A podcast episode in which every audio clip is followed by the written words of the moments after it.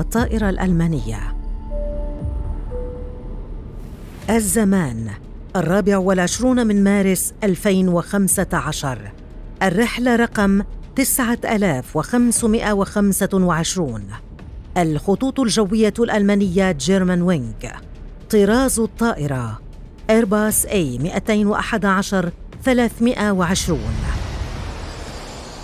انطلقت رحلة ركاب دولية مجدولة من مطار برشلونة في إسبانيا إلى مطار دولسدورف في ألمانيا. الطيار الشاب باتريك سوندينهايمر هو المسؤول عن الرحلة يرافقه المساعد أندرياس لوبيتز. كانت الطائرة تقل 144 راكباً وستة من أفراد الطاقم. أقلعت الرحلة من برشلونة متأخرة نصف ساعة. كانت الطائرة على الارتفاع المصرح لها به وهو 38 ألف قدم داخلة من المجال الجوي الإسباني إلى الفرنسي. كان الكابتن يحتاج للدخول إلى المرحاض ترك القيادة تحت أمرة المساعد. العاشرة والنصف غادر الكابتن قمرة القيادة ليترك المساعد متحكما بزمام الرحلة. عين هذا الأخير الارتفاع الآلي على مئة قدم. بدأت الطائرة بالهبوط تدريجياً. انخفضت سرعة كلا المحركين. قام مساعد الطيار بتعيين محدد سرعة الطيار الآلي على أعلى سرعة تشغيلية للطائرة. بدأت سرعة الطائرة في الازدياد جنبا إلى جنب مع معدل الهبوط. وكشف رادار الحركة الجوية أن الطائرة بدأت في الهبوط عن الارتفاع المحدد لها. قام العامل في برج مراقبة الحركة الجوية الفرنسية بمحاولة التواصل مع طاقم الرحلة للاستفسار عن مستوى ارتفاع الرحلة التي تم السماح لهم بها. حاول برج مرسيليا التواصل مع الطاقم لكن لا إجابة.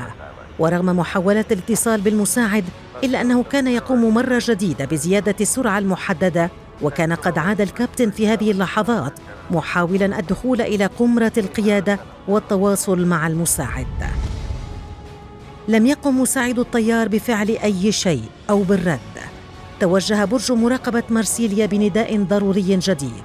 وفي نفس الوقت كان لا يزال الكابتن يحاول الدخول لقمرة القيادة بعدما يئس من محاولات الاتصال بالمساعد. افتح باب القمرة أرجوك أدخلني في الحال.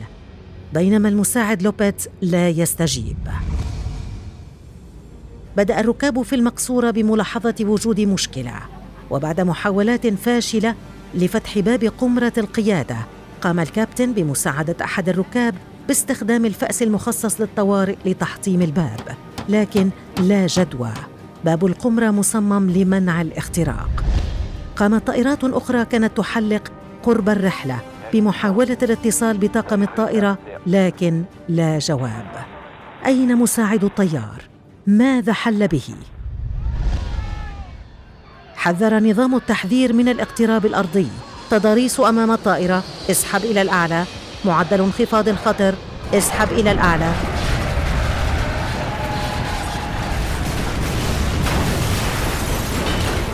تحطمت الرحلة في منطقة سلسلة جبال الألب الفرنسية. فتح تحقيق مستعجل من مكتب التحقيقات والتحليل لسلامة الطيران المدني الفرنسي وانضم إليه نظيره المكتب الألماني الفيدرالي. وفقا للتحقيقات. الحادث كان متعمدا من مساعد الطيار. أشارت التسجيلات إلى أنه كان متعاونا بداية الرحلة حتى بدأ بالتكلم على نحو فظ عندما ناقشه الكابتن في منتصف الرحلة عن خطة الهبوط المخطط لها. توصلت التحقيقات إلى أن المساعد أغلق القمر بعد مغادرة الكابتن ومنع دخول أي شخص. وفي حين كان الكابتن يملك الرمز لفتح الباب. إلا أنه يمكن تعطيل لوحة رمز القفل من داخل قمرة القيادة. اكتشف المحققون فيما بعد أن مساعد الطيار كان يعاني من الاكتئاب في السنوات التي سبقت الحادث وقد تلقى ملاحظات من الأطباء طالبين منه عدم الطيران لكنه تجاهل الأمر والتوصيات وقام بأخفائها. توصل التحقيق إلى أن مساعد الطيار حاول تحطيم الطائرة مسبقا فوق سماء برشلونة وهذا يعني أنه قرر أن ينتحر وخطط لهذا مسبقا ولم يكن الأمر وليد اللحظة.